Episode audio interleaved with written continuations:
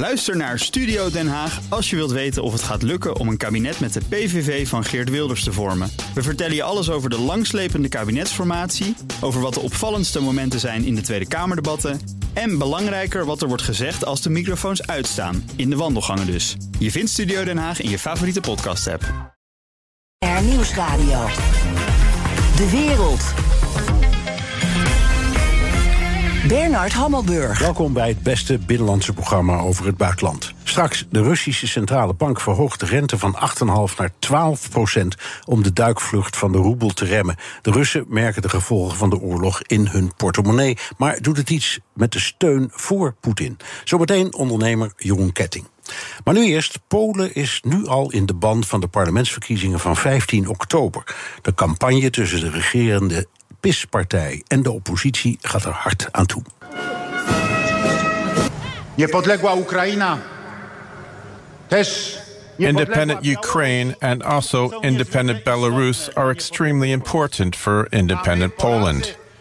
We Poles have always treated our borders as sacred.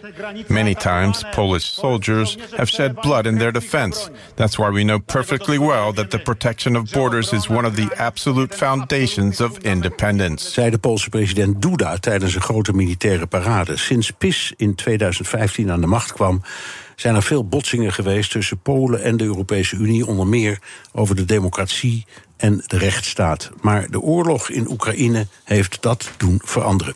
Ik praat erover met Thijs Reuten, Europarlementariër in de SND-fractie namens de Partij van de Arbeid. Welkom. Dank. Ja, uh, u maakt zich al uh, heel, heel hard al een tijd voor vrijheid en democratie in Europa, ook in Polen. Uh, en daar was van alles over te doen, komen we direct over te spreken. Maar sinds 24 februari 2022 zien we Polen toch vooral als steunpilaar voor Oekraïne. Hoe kijkt u op dit moment naar de Poolse rol in die steun?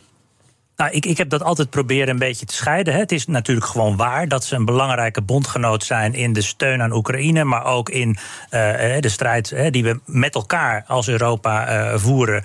ook om het Russische, de Russische agressie te keren. Daarnaast blijft zo dat het een autocratische regering is, die zich ook van autocratische middelen bedient, die de rechtsstaat stelselmatig heeft afgebroken, die de mediavrijheid heeft in, ingeperkt. Dat was al zo voor de inval en dat is nog nog steeds uh, zo. En ik vind dat je daar uh, ja, pragmatisch, maar ook wel streng in moet blijven. Ja, nou, ik kom er direct nog wel even op, ja. op, terug. Maar ik denk dan op het moment dat je aan de ene kant vraagt aan zo'n land: doe mee, help ons enzovoort. En op, op, en tegelijkertijd blijft mopperen. Ja, dan kan ik me voorstellen dat zo'n land op een bepaald moment zegt: hou op, ik, we hebben het wel gehoord nu. Ja, en toch, en toch is dat uh, Wat nou, moet doen. eigenlijk best goed gelukt, ook vind ik. Want uh, het was vlak voor de inval uh, van Rusland in Oekraïne dat de Europese Commissie eigenlijk op het punt stond om de coronaherstelgelden vrij te geven in ja. december 21. ja, ik wil dat niet allemaal op het konto van het Europees Parlement schrijven, maar het is ons toch gelukt om tot op de dag van vandaag is er nog geen euro van dat geld naar Polen nee. gegaan.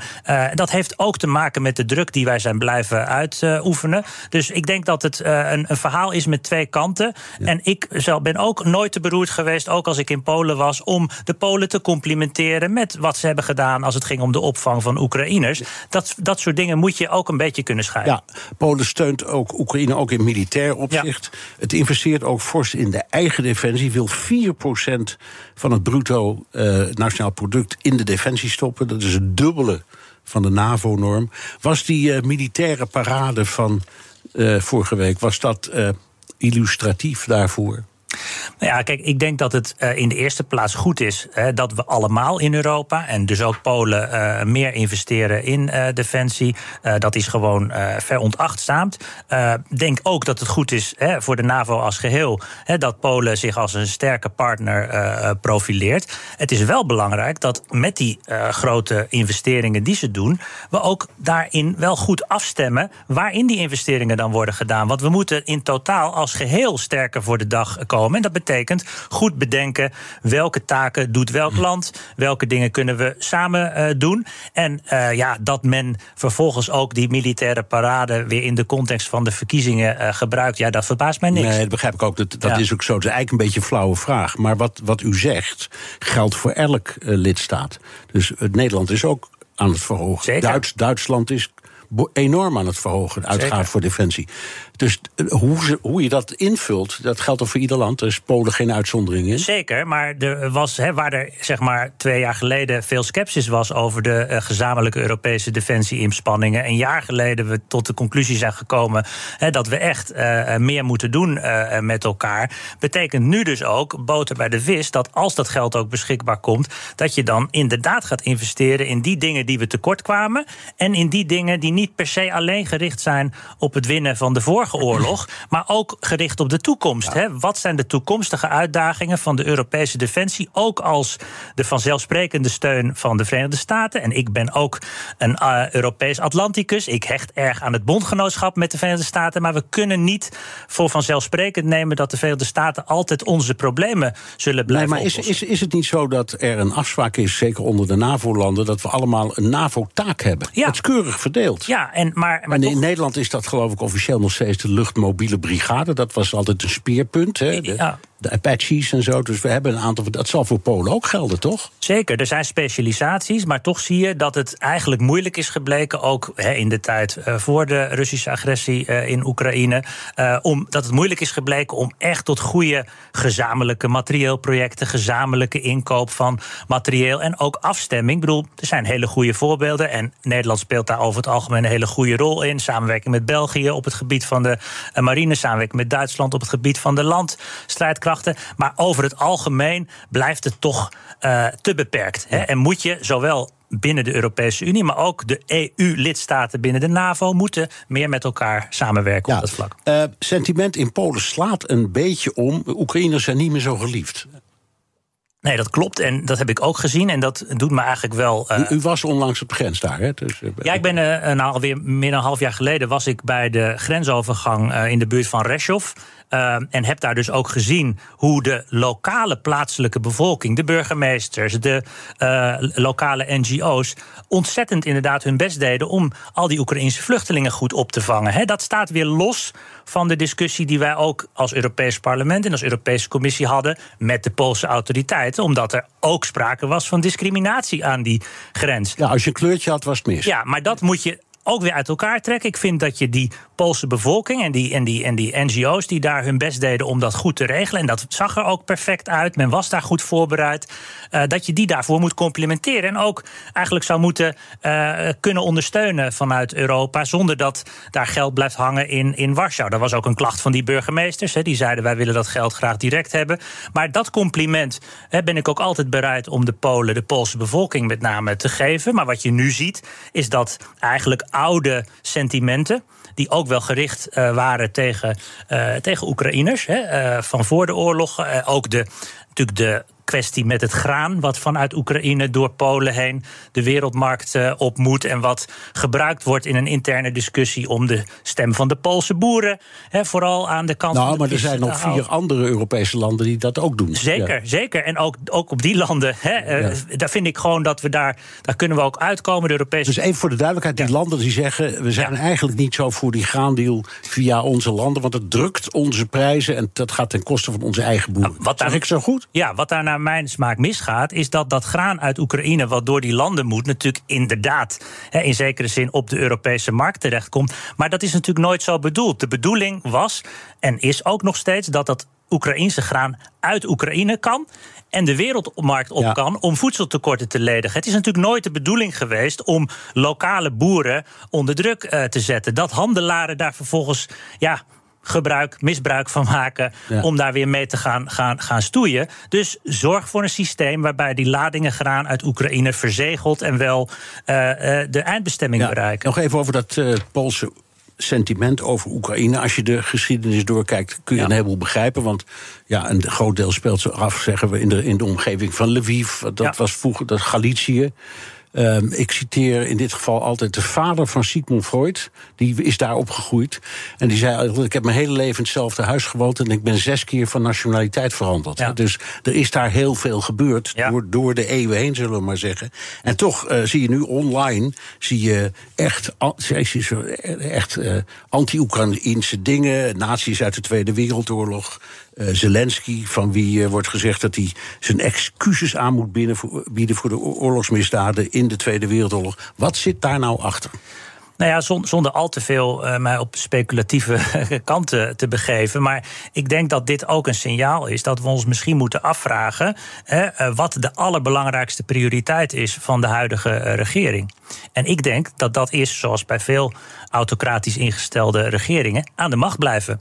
En dat alles, zelfs de steun aan Oekraïne, daar ondergeschikt uh, aan is. dat laat onverlet dat men natuurlijk zal blijven meewerken aan het doorvoeren van wapens. Dat men natuurlijk ook uh, aan de eigen landsverdediging. Namelijk zorgen dat die buitengrens van Europa goed bewaakt is en daarin ook blijft samenwerken. Maar ik denk dat je hier ziet dat er de regering heel veel aan gelegen is om die verkiezingen te gewinnen. Eigenlijk ten koste van alles. Want nou ja, behalve dit aspect, hè, namelijk de toch wat, wat meer kritische narratieven, die, uh, kritische verhalen die, die opduiken, is er natuurlijk ook nog die toestand met de referenda, waar we het nog over gaan, uh, gaan hebben. Dus ik denk dat, uh, dat dit uh, goed is om in de gaten te houden en om steeds ook de tweede laag te lezen, hè, wat je hierin ja, ziet. Ja, inmiddels is aangeschoven Europa-verslaggever Geert-Jan Haan. Hallo, Geert-Jan. Goedemiddag. Ja, um, we hebben het nu over de verkiezingen. Dat we hadden afgesproken dat we daar wat dieper in zouden duiken. Dus laten we eens kijken. Um, Zelfde poppetjes. Ja.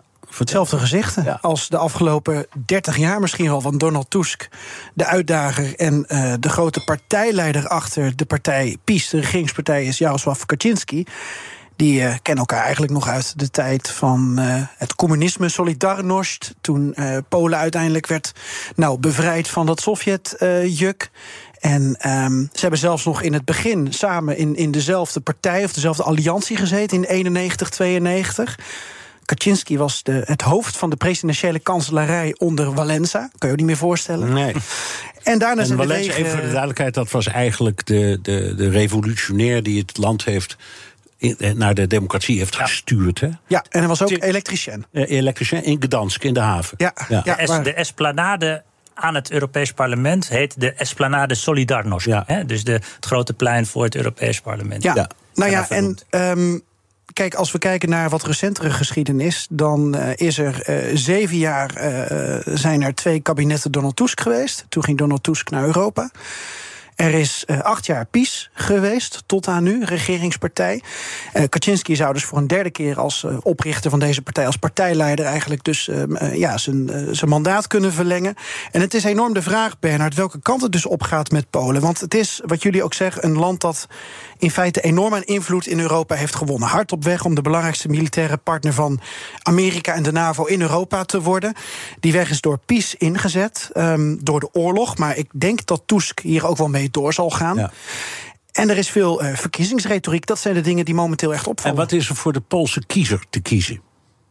Nou, om het simpel te houden, uh, Donald Tusk en uh, misschien dat meneer Reuter mij straks corrigeert. Uh, Donald Tusk is in mijn optiek liberaal, beetje vergelijkbaar met VVD in Nederland, maar ook wel met coalitiepartners en, en wat tintjes die richting CDA, want het is ook een, een, een gezinsman, een, een, een katholiek, die daar tegenaan schurkt. En een klein beetje D66, maar hij is niet heel erg progressief te noemen, is gewoon echt een centrumman. Kiezen ze in Polen voor Tusk, dan kiezen ze dus voor een partij en een beleid met gewoon minder scherpe randjes dan je nu bij de PiS-partij ziet. Dus iets minder streng migratiebeleid, iets minder discussie met Brussel, iets minder afbraak van de rechtsstaat. En je ziet ook dat er een strijd gaande is om de stem van de vrouw. Dat vind ik heel interessant. Dus de PiS-partij is mogelijk zelfs bereid om hun abortusstandpunt iets af te zwakken, omdat er dus zoveel vrouwen naar de stembus gaan. En um, nou ja, dat rijdt Tusk dan mogelijk weer een beetje in de wielen. Maar Tusk is er ook wel in de eerste plaats voor Polen. Als je hem dus met iemand moet vergelijken, ja, ik zat toch aan Joe Biden te denken. Um, weet je, Biden is in onze ogen, ik zeg het maar even gechargeerd, uh, een iets mindere idioot dan Trump, uh, dan Donald Trump. Nou, pas op. Ja, oké. Okay. Maar ja. staat voor America First. Staan ze allebei? Allebei. Ja. En um, vergeet niet dat Tusk dat volgens mij ook is, net als Kaczynski. Ja.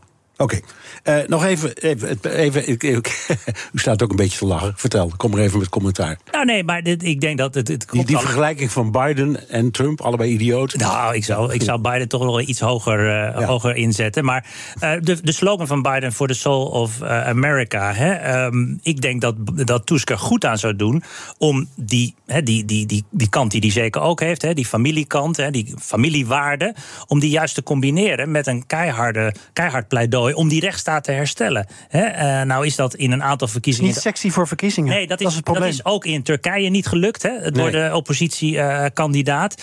Eh, maar als hij dat zou kunnen combineren met het perspectief. wat natuurlijk toch ook wel. eh, ik, ik hoop en schat in dat dat geld er ook niet gaat komen voor de verkiezingen. Ehm, eh, dat zou natuurlijk een enorme goede start kunnen zijn. voor een eh, nieuwe regering van een andere eh, signatuur. die meteen zou kunnen zeggen: ja, doordat wij wel dat herstel. Geld, is dat corona? Het gaat over de corona-herstelgelden die nu geblokkeerd zijn. Nee, dat weet ik. Maar Ja. goed. Ja, En, ehm, en, en, en dus, dus dat, en, en er speelt daarnaast natuurlijk ook nog dat er het natuurlijk heel erg om gaat spannen. Hè, of wie in, sowieso de grootste partij wordt, maar ook hoe de meerderheid zal zijn. En of er inderdaad ook kingmakers nog zijn eh, elders in het eh, politieke eh, landschap. Eh, ja, die strijd dat is een, een, hele, een hele harde. Ik heb vanochtend nog even contact gehad met mijn collega eh, Robert Bidron, eh, Europees Parlement. eh, nu ook campagne aan het voeren voor zijn partij, Levita, in, Left, eh, ja. eh, in, eh, in, eh, in Polen. Ehm, ja, dat gaat, dat gaat niet zo goed eh, als gehoopt hè, eh, in, de, in de peilingen. Eh, maar toch is het spannend om te zien of er misschien een coalitie mogelijk is. waarbij er toch op zijn minst, hè, dat is wel de hoop die ik heb ten opzichte van Hongarije.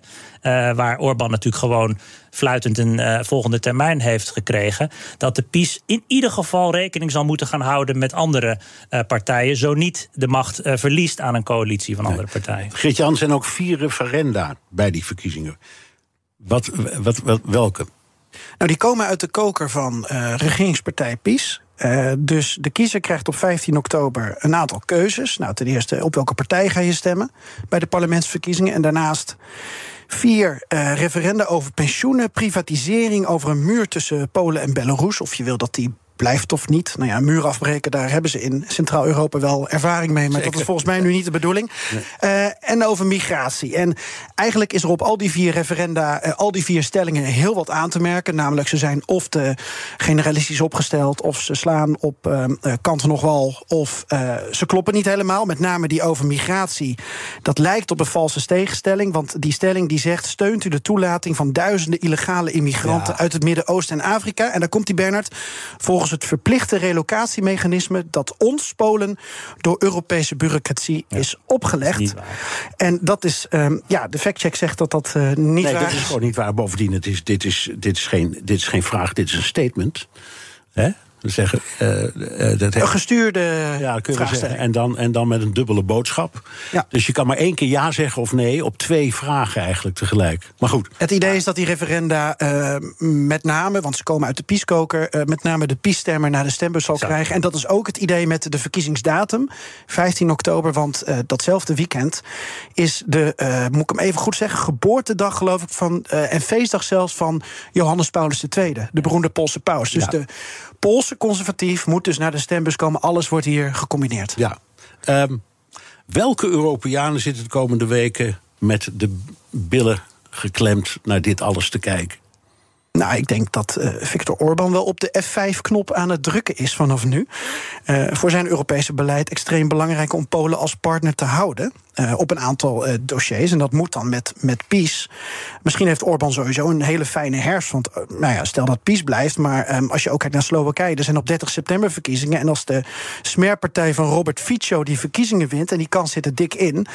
Ehm, nou ja, dan is het Visegraad-blok waar we het vaak over hebben. Van Slowakije, Polen, Hongarije en, en Tsjechië valt nu buiten de boot. Maar dat is dan weer eurosceptischer en populistischer geworden. En dat gaat Brussel dan merken in discussies over migratie, democratie en rechtsstaat. Ja. Eh, nog even één ding over rechtsstaat gesproken. Een aantal Nederlandse rechters maakt zich al jaren hard voor rechtelijke onafhankelijkheid en onpartijdigheid. Eén daarvan is John Morijn, heeft ook wel eens in dit programma gezeten. En jij sprak hem voor de eh, nieuwste perestrooikast. Ja, samen met mijn eh, eh, collega Floris Akkerman. En we hadden het over, ja, heb je, eh, je hebt veel contact dus met onafhankelijke, onpartijdige rechters. Maar hoe zit het met mensen uit het Pieskamp en hoe wordt er op jou gereageerd als je met hen contact opneemt? Als ik in, eh, in, eh, in Groningen kom en mijn postvakje leeg maak, dan zitten er tientallen brieven in van gefabriceerde brieven. eh, een beetje zoals eh, vroeger eh, in van die krimis eh, van uitgeknipte krantenletters, die gewoon eh, dreigmail eigenlijk zijn. Voornamelijk gewoon in het, eh in het Pools. Wat staat erin dan? Nazi-zwijn, uh, van allerlei uh, best wel. Uh, het, het, je hoeft er weinig verbeelding, verbeelding voor nodig. Het is vrij direct. Ik ben daar zeker niet als enige in. Als ik een vrouw was geweest, was het nog tien keer zo erg geweest. daar ben ik ook gewoon heel realistisch in. Nou, John Morijn die geeft dus uh, aan, um, voordat we naar deze quote gingen, dat hij wordt uitgekotst in het Pieskamp. En vervolgens vertelt hij over hoe er dus in zijn postvak in Groningen crimi-achtige dreigbrieven uh, zitten. Uh, moeten even zeggen. Geen idee waar die vandaan komen en dus geen relatie met het uh, Pieskamp. Dat kun je gewoon niet bewijzen op dit moment. Maar hij is bijzonder hoogleraar in Groningen, recht en politiek in de internationale betrekkingen. Is heel veel in Polen en ja, spreekt zich uit. Um, en dat hij opkomt voor de rechtsstaat, wordt hem dus niet in dank afgenomen. Nee. Um, meneer Reuts, is dit de lange arm van uh, Warschau? Nou ja, een beetje wel. En het, is, het tekent ook wel uh, de toenemende. Uh, ja, prikkelbaar is eigenlijk uh, nog zwak uitgedrukt. Men is gewoon uh, zwaar, baalt zwaar in Polen. dat men natuurlijk rechtszaak op rechtszaak ook verliest. Hè? Ja. ik bedoel, het is natuurlijk ook wel. Het is echt eindeloze rij aan rechtszaken die men verloren heeft. Zowel voor het Europees Hof als voor het Hof voor de Rechten van, van de Mens. Dus ja, iedereen die daar op enige wijze aan bijdraagt. gewoon door zijn werk te doen. gewoon zoals deze uh, professor Morijn, die gewoon ja, uitzoekt hoe dingen in elkaar zitten en hoe het zich verhoudt tot Europees recht. Ja, dat wekt irritatie op. Zeker als dat uh, ja, meer en meer aandacht trekt, ook in, uh, in allerlei Europese landen. Ja. Dus ik vind, ik, vind, ik vind het heel erg zorgelijk eigenlijk dat journalisten, maar ook dit soort wetenschappelijke figuren op deze manier bedreigd ja, worden. Kun je zeggen, we hebben het over journalistiek nu, we hebben het over de, de rechtspraak, hele belangrijke elementen in de democratie. Is het nog wel een democratie? Gucci. Nou, bij Hongarije hebben wij dat heel duidelijk uitgesproken. Hè. Dat is op, uh, op allerlei indicatoren echt geen democratie uh, meer uh, te noemen. de elementen die u net noemt, hè, de media, zijn ze eigenlijk in hun eerste jaar van de, van de eerste regering al ingeslaagd om die vrijwel om te vormen tot staatsgestuurde propagandakanalen. met ook het aanvallen van de nog resterende onafhankelijke media. En ook op het terrein van de rechtspraak, zeer fundamenteel voor de rechtsstaat. Ja, denk ik eigenlijk dat we hier in ieder geval niet meer kunnen spreken van een democratisch uh, uh, gelegitimeerde rechtspraak in Polen. Nee. En de, de Europese Unie is een vereniging van democratie. Zeker, zeker. En, en daarom is het ook uh, van heel groot belang dat we ook met het oog op die verkiezingen het roer recht houden dat Europa niet naar de ene kant nog naar de andere kant zich laat afleiden. Op het moment dat er nieuwe aanwijzingen of nieuwe zaken komen die gewoon um, een, een reprimande vanuit Brussel vergen of gewoon het starten van een procedure tegen de Poolse regering, dan moet je daar niet gaan kijken naar, oh maar er komen verkiezingen aan. Je moet gewoon doen wat je hoort te doen om die waarde van die rechtsstaat te verdedigen. En, maar ik kan me voorstellen dat mensen zeggen, laten we even die verkiezingen afwachten. Ja, maar dat is de fout die ook gemaakt is in Hongarije. Toen was er ook een commissaris die zei: Ja, ik kan niks doen, want ik mag de verkiezingen niet beïnvloeden. Ja, door niets te doen, beïnvloed je de verkiezingen ook. Ja. Dus wat moet je doen? Je moet gewoon het hoofd koel houden en zorgen dat je doet wat je moet doen volgens het verdrag, volgens de regels waar ook Polen aan gehouden is. Nou, we hebben al een aantal zaken lopen. De artikel 7-procedure, daar moet het huidige Spaanse voorzitterschap dus ook niet mee stoppen of uit gaan stellen. Die moeten gewoon doen wat er moet gebeuren, hoorzittingen organiseren, eh, et cetera, et cetera. En wij als Europees Parlement moeten ook gewoon in september, als er zaken zijn die, uh, die uh, strijdig zijn met het Europees recht, dat aan de orde blijven stellen. Ja. Dat zal ik ook doen dat begrijp ik. En tegelijkertijd is er het principe dat uh, het, het in principe zich niet geacht wordt te bemoeien met de interne aangelegenheden van een ander land. En een deel daarvan valt daaronder. Ja, maar je kunt wel zeggen, ja, we hebben de Kopenhagen-criteria, dat moet je allemaal houden. Aan de andere kant er zit een soort van spagaat in die redenering. Ja, maar dat is natuurlijk ook wel, met, met, met, met alle respect, een beetje het argument wat Orbán en ook de Poolse regering uh, vaak gebruikt. Hè, dat wij ons zouden bemoeien met de manier van leven in ja. Polen. Dat is helemaal niet waar. Wij uh, leggen Polen geen strobreed in de weg als het gaat om het organiseren van de eigen manier uh, van leven. Waar het om gaat, is dat elke Europeaan, doordat Polen lid is geworden van de Europese van de Europese Unie.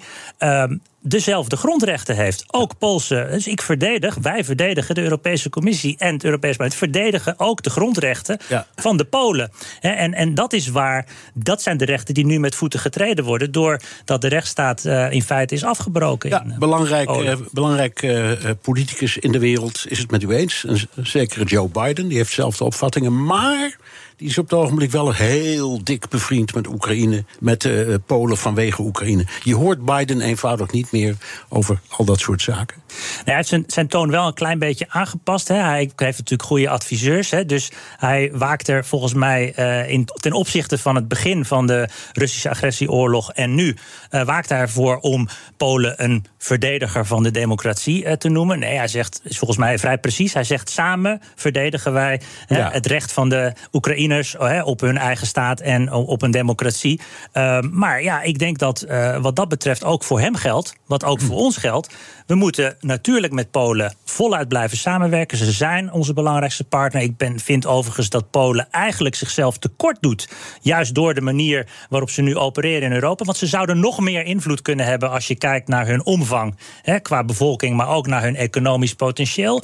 Eh, De Poolse economie is in rap tempo hè, op het niveau gekomen van veel Europese economieën. Dus ik denk dat het ook in het belang van Polen zelf zou zijn om daarin wat te veranderen. Maar we moeten hun als belangrijke partner natuurlijk gewoon mee blijven samenwerken. Maar tegelijkertijd niet vergeten dat we hier te maken hebben met een autocratische regering en daar ook als zodanig tegen Nog, nog, optreden. nog, nog even terugkomend op Biden. Je merkt aan alles vanuit Washington dat als er over Europa wordt gedacht, wordt er niet over Europa gedacht. Dan wordt er gedacht over Duitsland, Frankrijk en Polen. Ja. Want dat zijn eigenlijk de enige landen die tellen, vindt diezelfde meneer Biden. Ja, en tegelijkertijd weet ook diezelfde meneer Biden, eh, zoals wij allemaal, dat eh, wij met elkaar nog sterker zijn als blok. Hè, en dat het ook heel veel ons aangelegen is. En daar is ook, denk ik, de Verenigde Staten veel aan gelegen.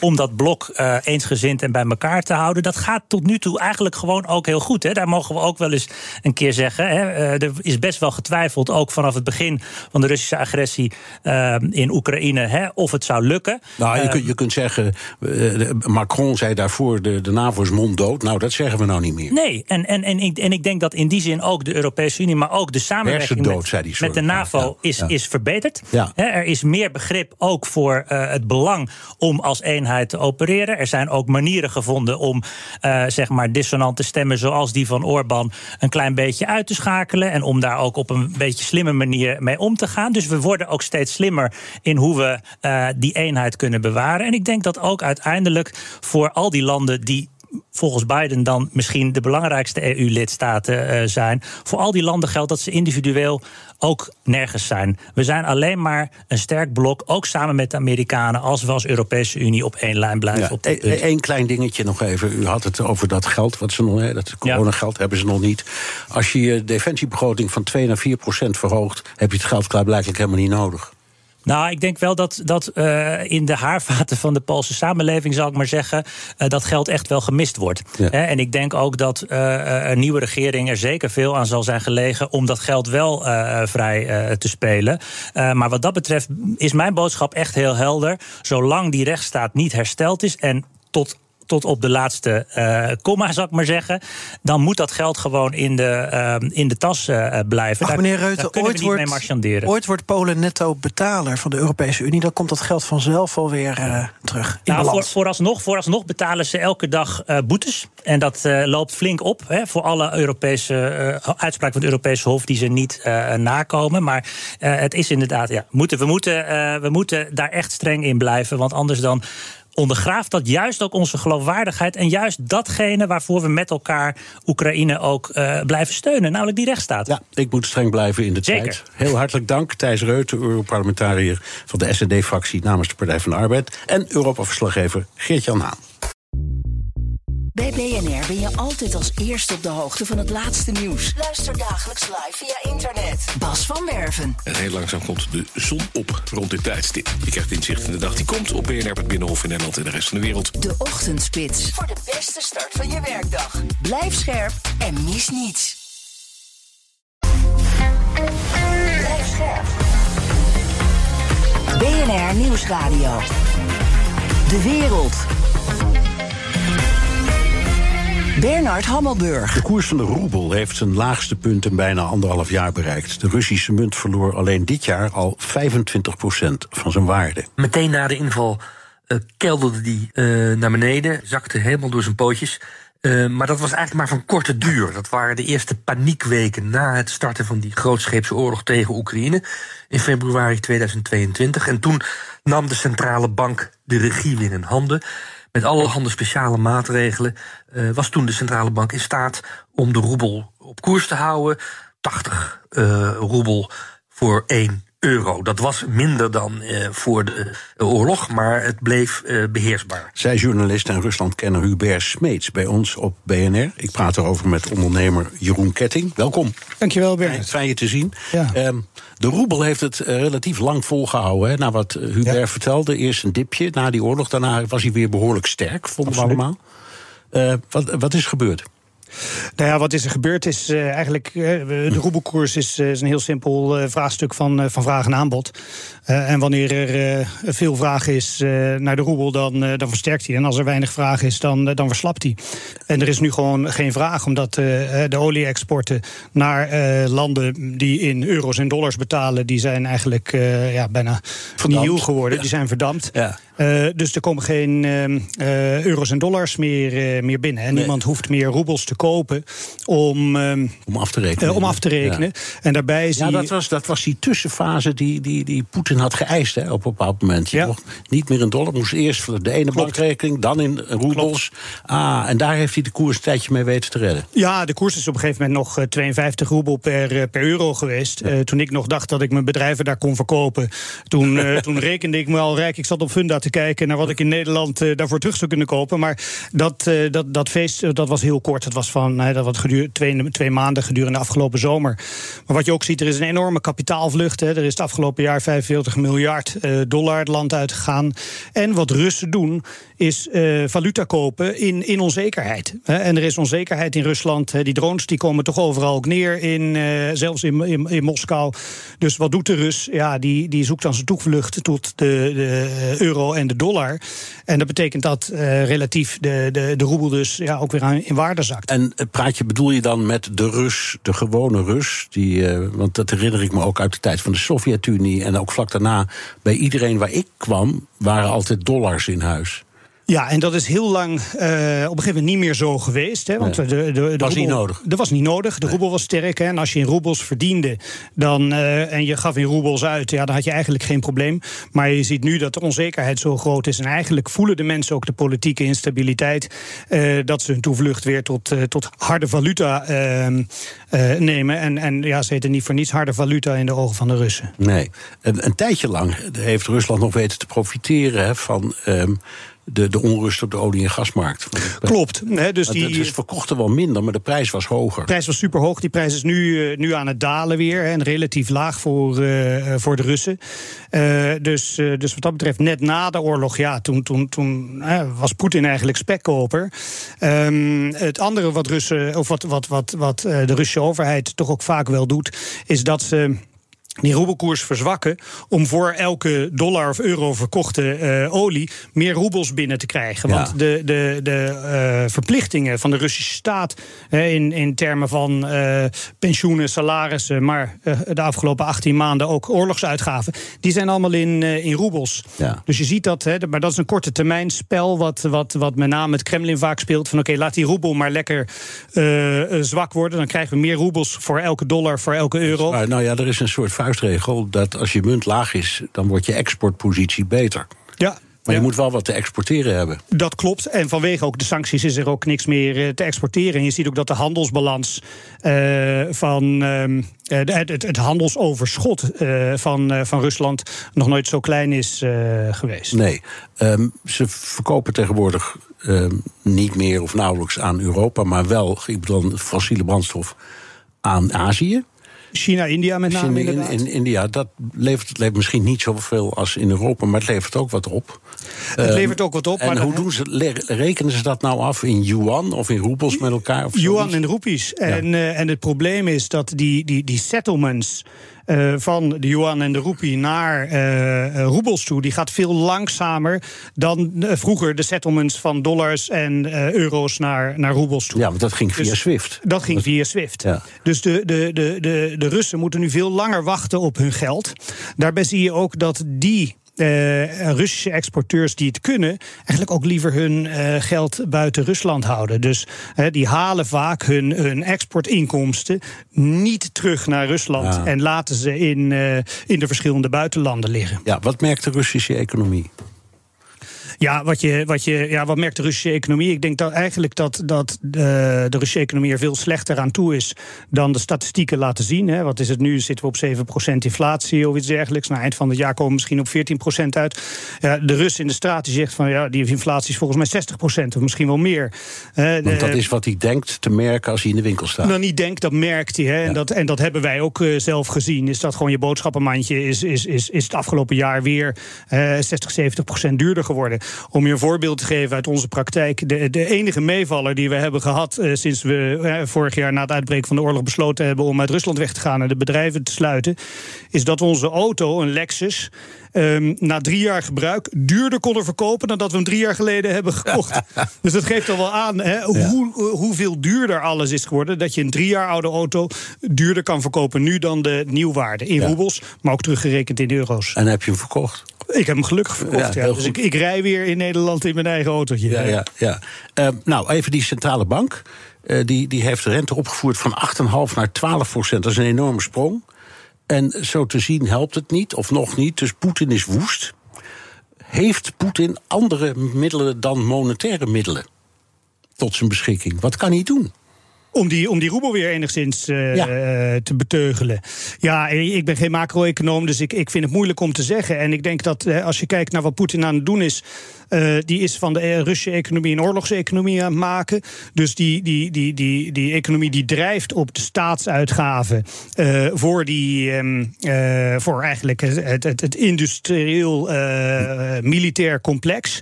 Eh, maar ook alle salarissen van alle militairen en, en, en ga zo maar door. Hè. Men zegt dat de Russen per dag tussen de half miljard en een miljard dollar uitgeven om die oorlog eh, te, kunnen, te kunnen bekostigen. En is dat dan de oorlog zelf, of is, of is, is dat ook de soldaten, de ambtenaren? De, de- de, soldaten, de ambtenaren, het hele repressieapparaat, eh, inclusief de FSB, de voormalige KGB en de politie, ga zo maar door.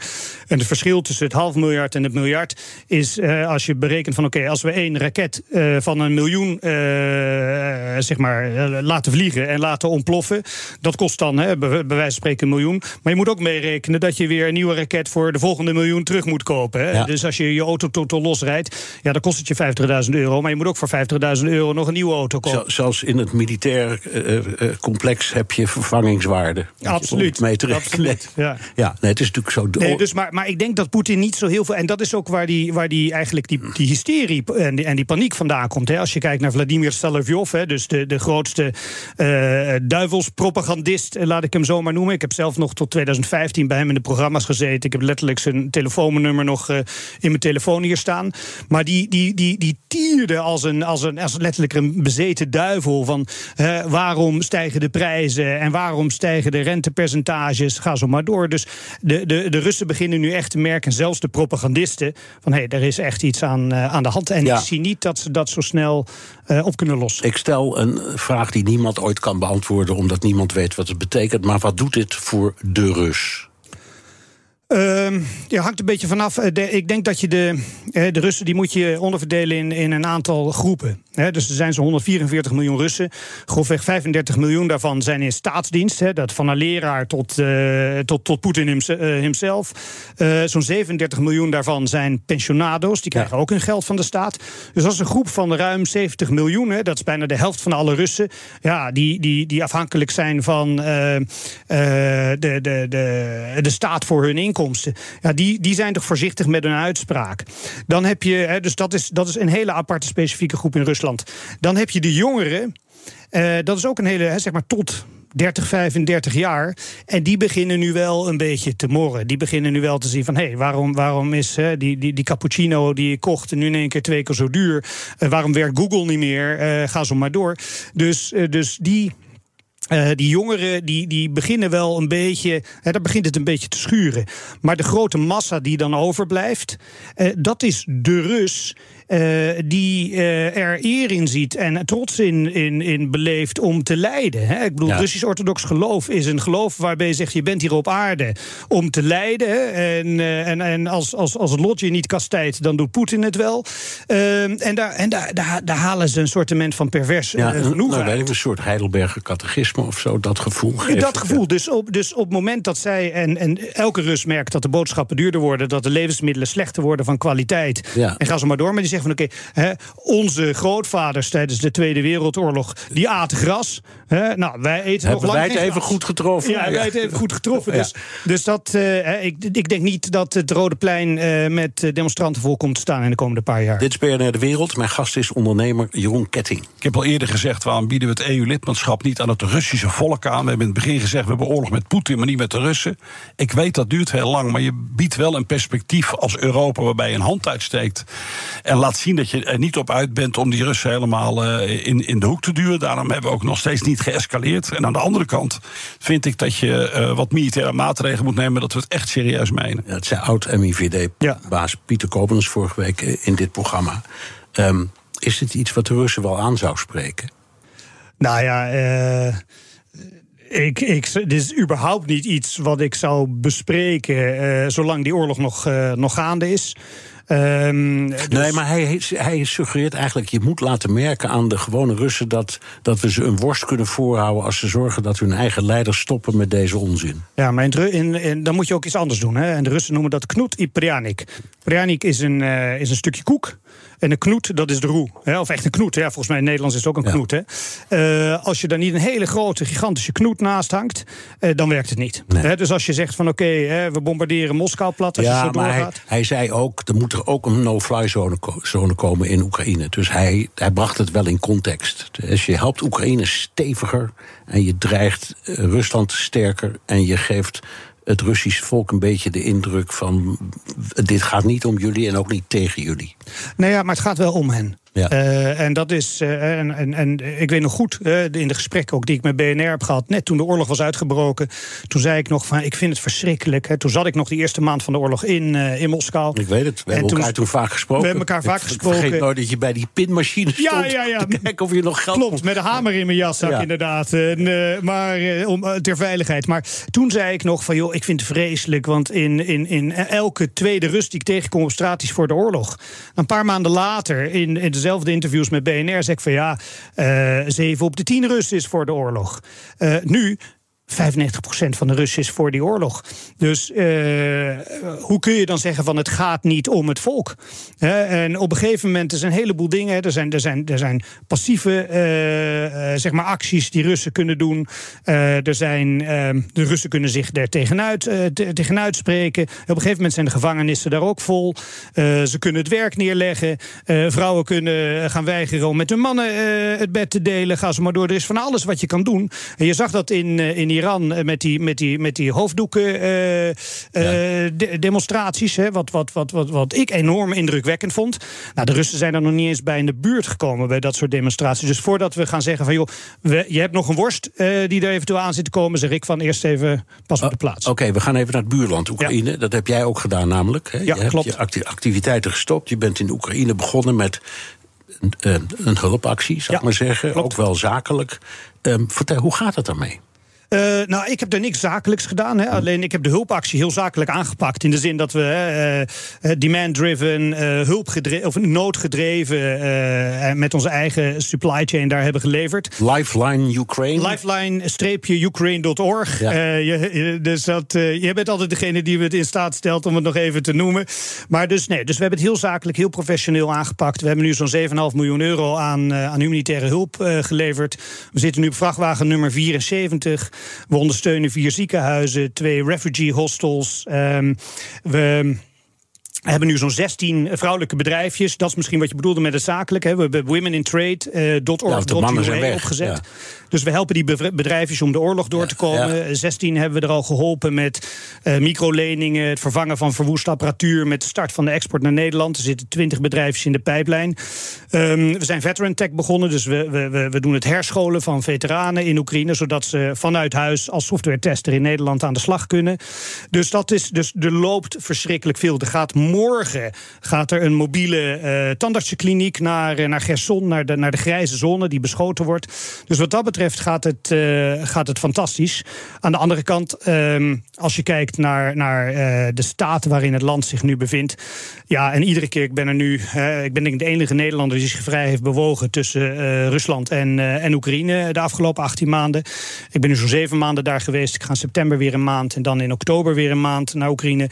Ja, het is, het is de tranen springen je letterlijk in de ogen als je daar met name in Oost-Oekraïne rondloopt. Ja, ehm, je, het, is het moeilijk om Oost-Oekraïne in en uit te komen? Nee, nee, nou ja, weet je, de, de, je komt niet verder dan de frontlinie. Nee. Dus dat is daar, en dat moet je ook niet, eh, niet willen. Ik ben, eh, ik ben twee keer aan de frontlinie geweest, één keer in Avdiivka, dus dat is zeg maar tweede Bagmoed zo'n beetje. Nou, dat is een, eh, dat is een soort van Mad Max-achtige mix van de Eerste en de Tweede Wereldoorlog. Dat is vreselijk.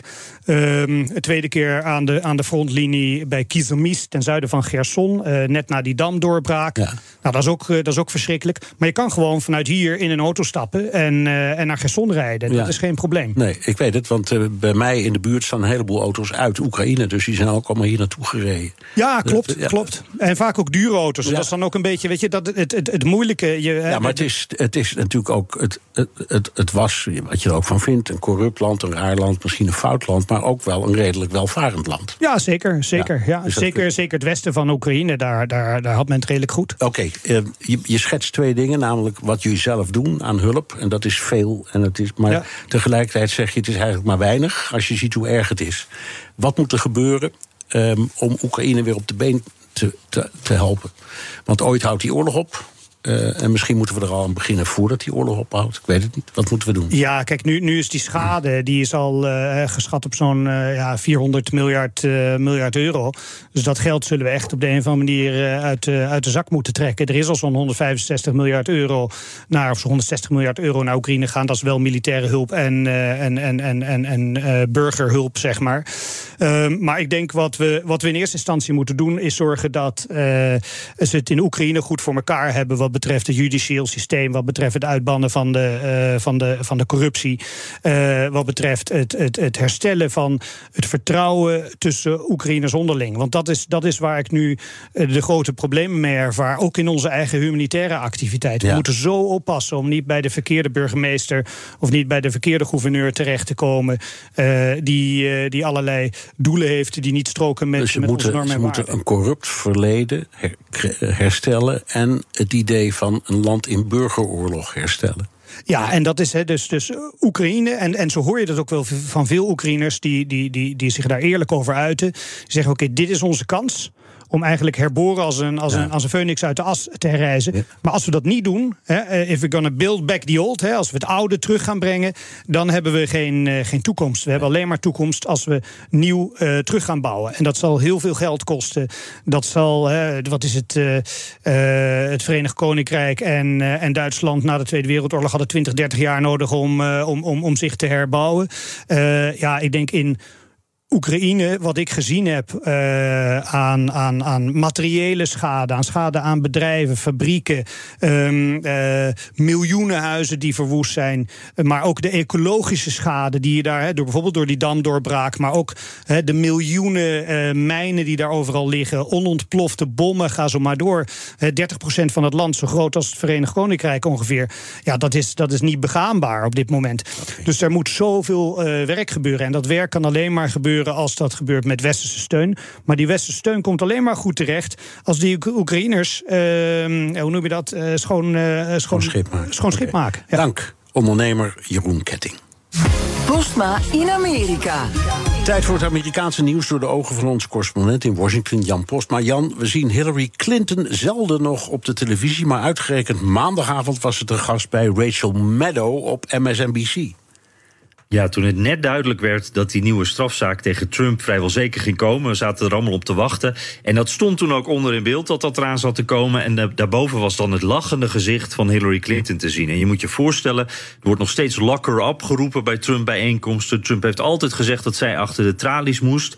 En uh, ja, er doen ook nog allerlei complottheorieën over haar en haar man de ronde uh, in die kringen. En nu zat zij dus in de studio op de avond dat die vierde strafzaak tegen Trump eraan kwam. Een best bizar moment om op tv te zijn, ook als je dat dus niet zo vaak meer bent. Dus uh, Clinton kon een klein lachje niet onderdrukken. Fancy meeting you. Oh, I can't nice believe this.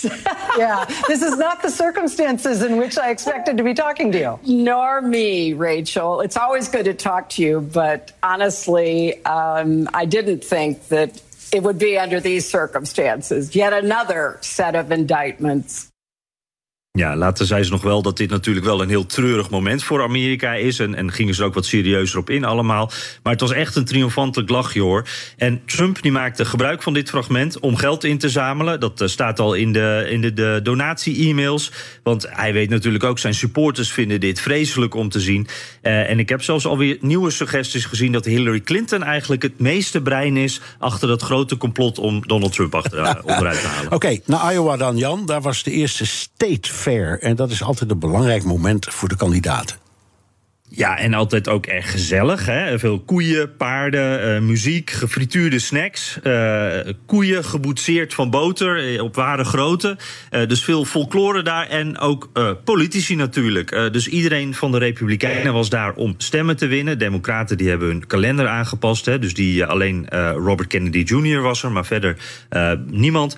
En dit jaar uh, liet het bij de Republikeinen heel duidelijk zien waar de race op dit moment staat. Op het moment dat Ron DeSantis, de nummer twee in de peiling, op grote afstand uh, op een podium zijn verhaal houdt, uh, staan er allemaal mensen te kijken, maar het is ook een beetje mat allemaal. Er wordt amper gereageerd. En dan komt er een vliegtuig over en mensen beginnen te klappen en te joelen en de boel komt echt even tot leven.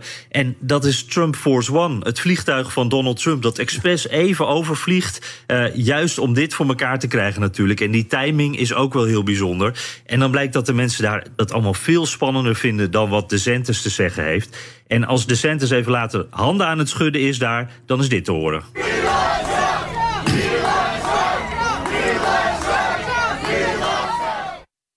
Ja, wat DeSantis ook doet, hij zat nog in de botsautootjes. Hij deed allerlei dingen die je daar als kandidaat moet doen om een beetje aandacht te krijgen. Uh, op dit moment lijkt het allemaal niet te helpen. Het gaat alleen maar om Trump. Dat zijn de verhoudingen op ja. dit moment. Volgende week is het eerste republikeinse debat. Maar we weten nog steeds niet of Trump daarbij is. Ja, dat is het uh, bekende spelletje hè, dat uh, Trump altijd speelt. Nu zegt hij dat hij die loyaliteitsverklaring niet wil tekenen. Daarin uh, staat dat elke kandidaat uiteindelijk de winnaar van de voorverkiezingen moet steunen. Dat is van de Republikeinse Partij. Die willen zo een beetje de boel bij elkaar houden, dat er geen ruzie ontstaat. En daar kijken ze juist ook een beetje naar Trump natuurlijk. En Trump wil dat niet ondertekenen. En dan kan hij dus ook niet meedoen. en nu blijft hij er dus mee spelen. Zal ik komen of niet? dit is bijvoorbeeld tijdens een campagnebijeenkomst afgelopen week. I don't know if you're leading by 50 and 60 and 70 points, do you do that or not? I don't know. Should I? Okay, you ready? Poll. We take a free poll. Should I do the debate? Ja, dat lijkt me toch een ja van het publiek. Maar dan zegt Trump erachteraan: ja, ik heb er eigenlijk geen belang bij. Ik sta voor. En ja, hij heeft eigenlijk ook wel gelijk. Het is voor hem alleen maar een risico. Hij heeft er eigenlijk weinig mee te winnen. Dus Trump zegt daarna: misschien doen we wel wat anders. En nou gaan er wat geruchten. Uh, uit zijn eigen kamp komt dat ook. Hij is blijkbaar druk aan het kijken of hij op de avond van dat Republikeinse debat kan inbellen bij tv-zenders. Of een interview bij Tucker Carlson kan doen, wat dan online komt te staan. Uh, of zelfs zijn eigen evenement kan organiseren. Dus hij gaat ook over de Iowa State Fair vliegt, gaat hij hier dan zijn eigen alternatieve programma willen starten om zo alle aandacht weer weg te trekken. Ja, maar zijn concurrenten, de andere kandidaten, hopen natuurlijk wel dat hij komt. Ja, precies. Op die State Fair in Iowa, daar werden ze ook allemaal gevraagd: moet Trump daar komen? En dan zeiden ze allemaal iets van: ja, hij moet zijn kandidatuur natuurlijk verdienen. anders dan wordt het een soort uh, kroning. Hij moet er gewoon zijn. En zij weten ook dat dat zonder Trump, dan gaan er natuurlijk veel minder mensen kijken. Dan is dat debat veel minder relevant. Dus ze proberen hem ook wat te prikkelen. Nikki Haley die zegt dan bijvoorbeeld: ja, het gaat steeds, steeds over hem dan, als hij er niet bij staat. Maar dan kan hij zich niet verdedigen. Natuurlijk komt hij. In, in de hoop om hem dan dus ook een beetje toch te lokken dat hij toch nog gaat komen. Maar ja, of dat gaat lukken. Eh, het gaat in ieder geval weer in Iowa dus. En ook over dit debat in de aanloop alleen maar over Trump. Dus uh, die missie is alvast geslaagd. Ja, of die erbij is of niet, dat maakt niet uit, wou je zeggen. Nee, nee, hij heeft al zijn aandacht al. Hij staat bovenaan in de peilingen. Wat maakt het nog uit eigenlijk? Ja, precies. Oké, dankjewel. Jan Posma, correspondent in Washington. Wilt u meer horen over dat fascinerende land? Luister dan naar de Amerika-podcast van Jan en mij. Komt er dadelijk weer een online. En tot zover BNR De Wereld. Terugluisteren kan via de site, de app Spotify of Apple Podcast. Reageren kan via een mailtje naar dewereld.bnr.nl. Tot de volgende week. Ook Diana Matroos vind je in de BNR-app. Ja, inderdaad. Je kunt live naar mij luisteren tijdens de Big Five. Ook handig in de BNR-app. Breaking nieuwsmeldingen, maar ook het allerlaatste zakelijke nieuws. En je vindt in de app alle BNR-podcasts, waaronder Wetenschap Vandaag. Download nu de gratis BNR-app en blijf scherp.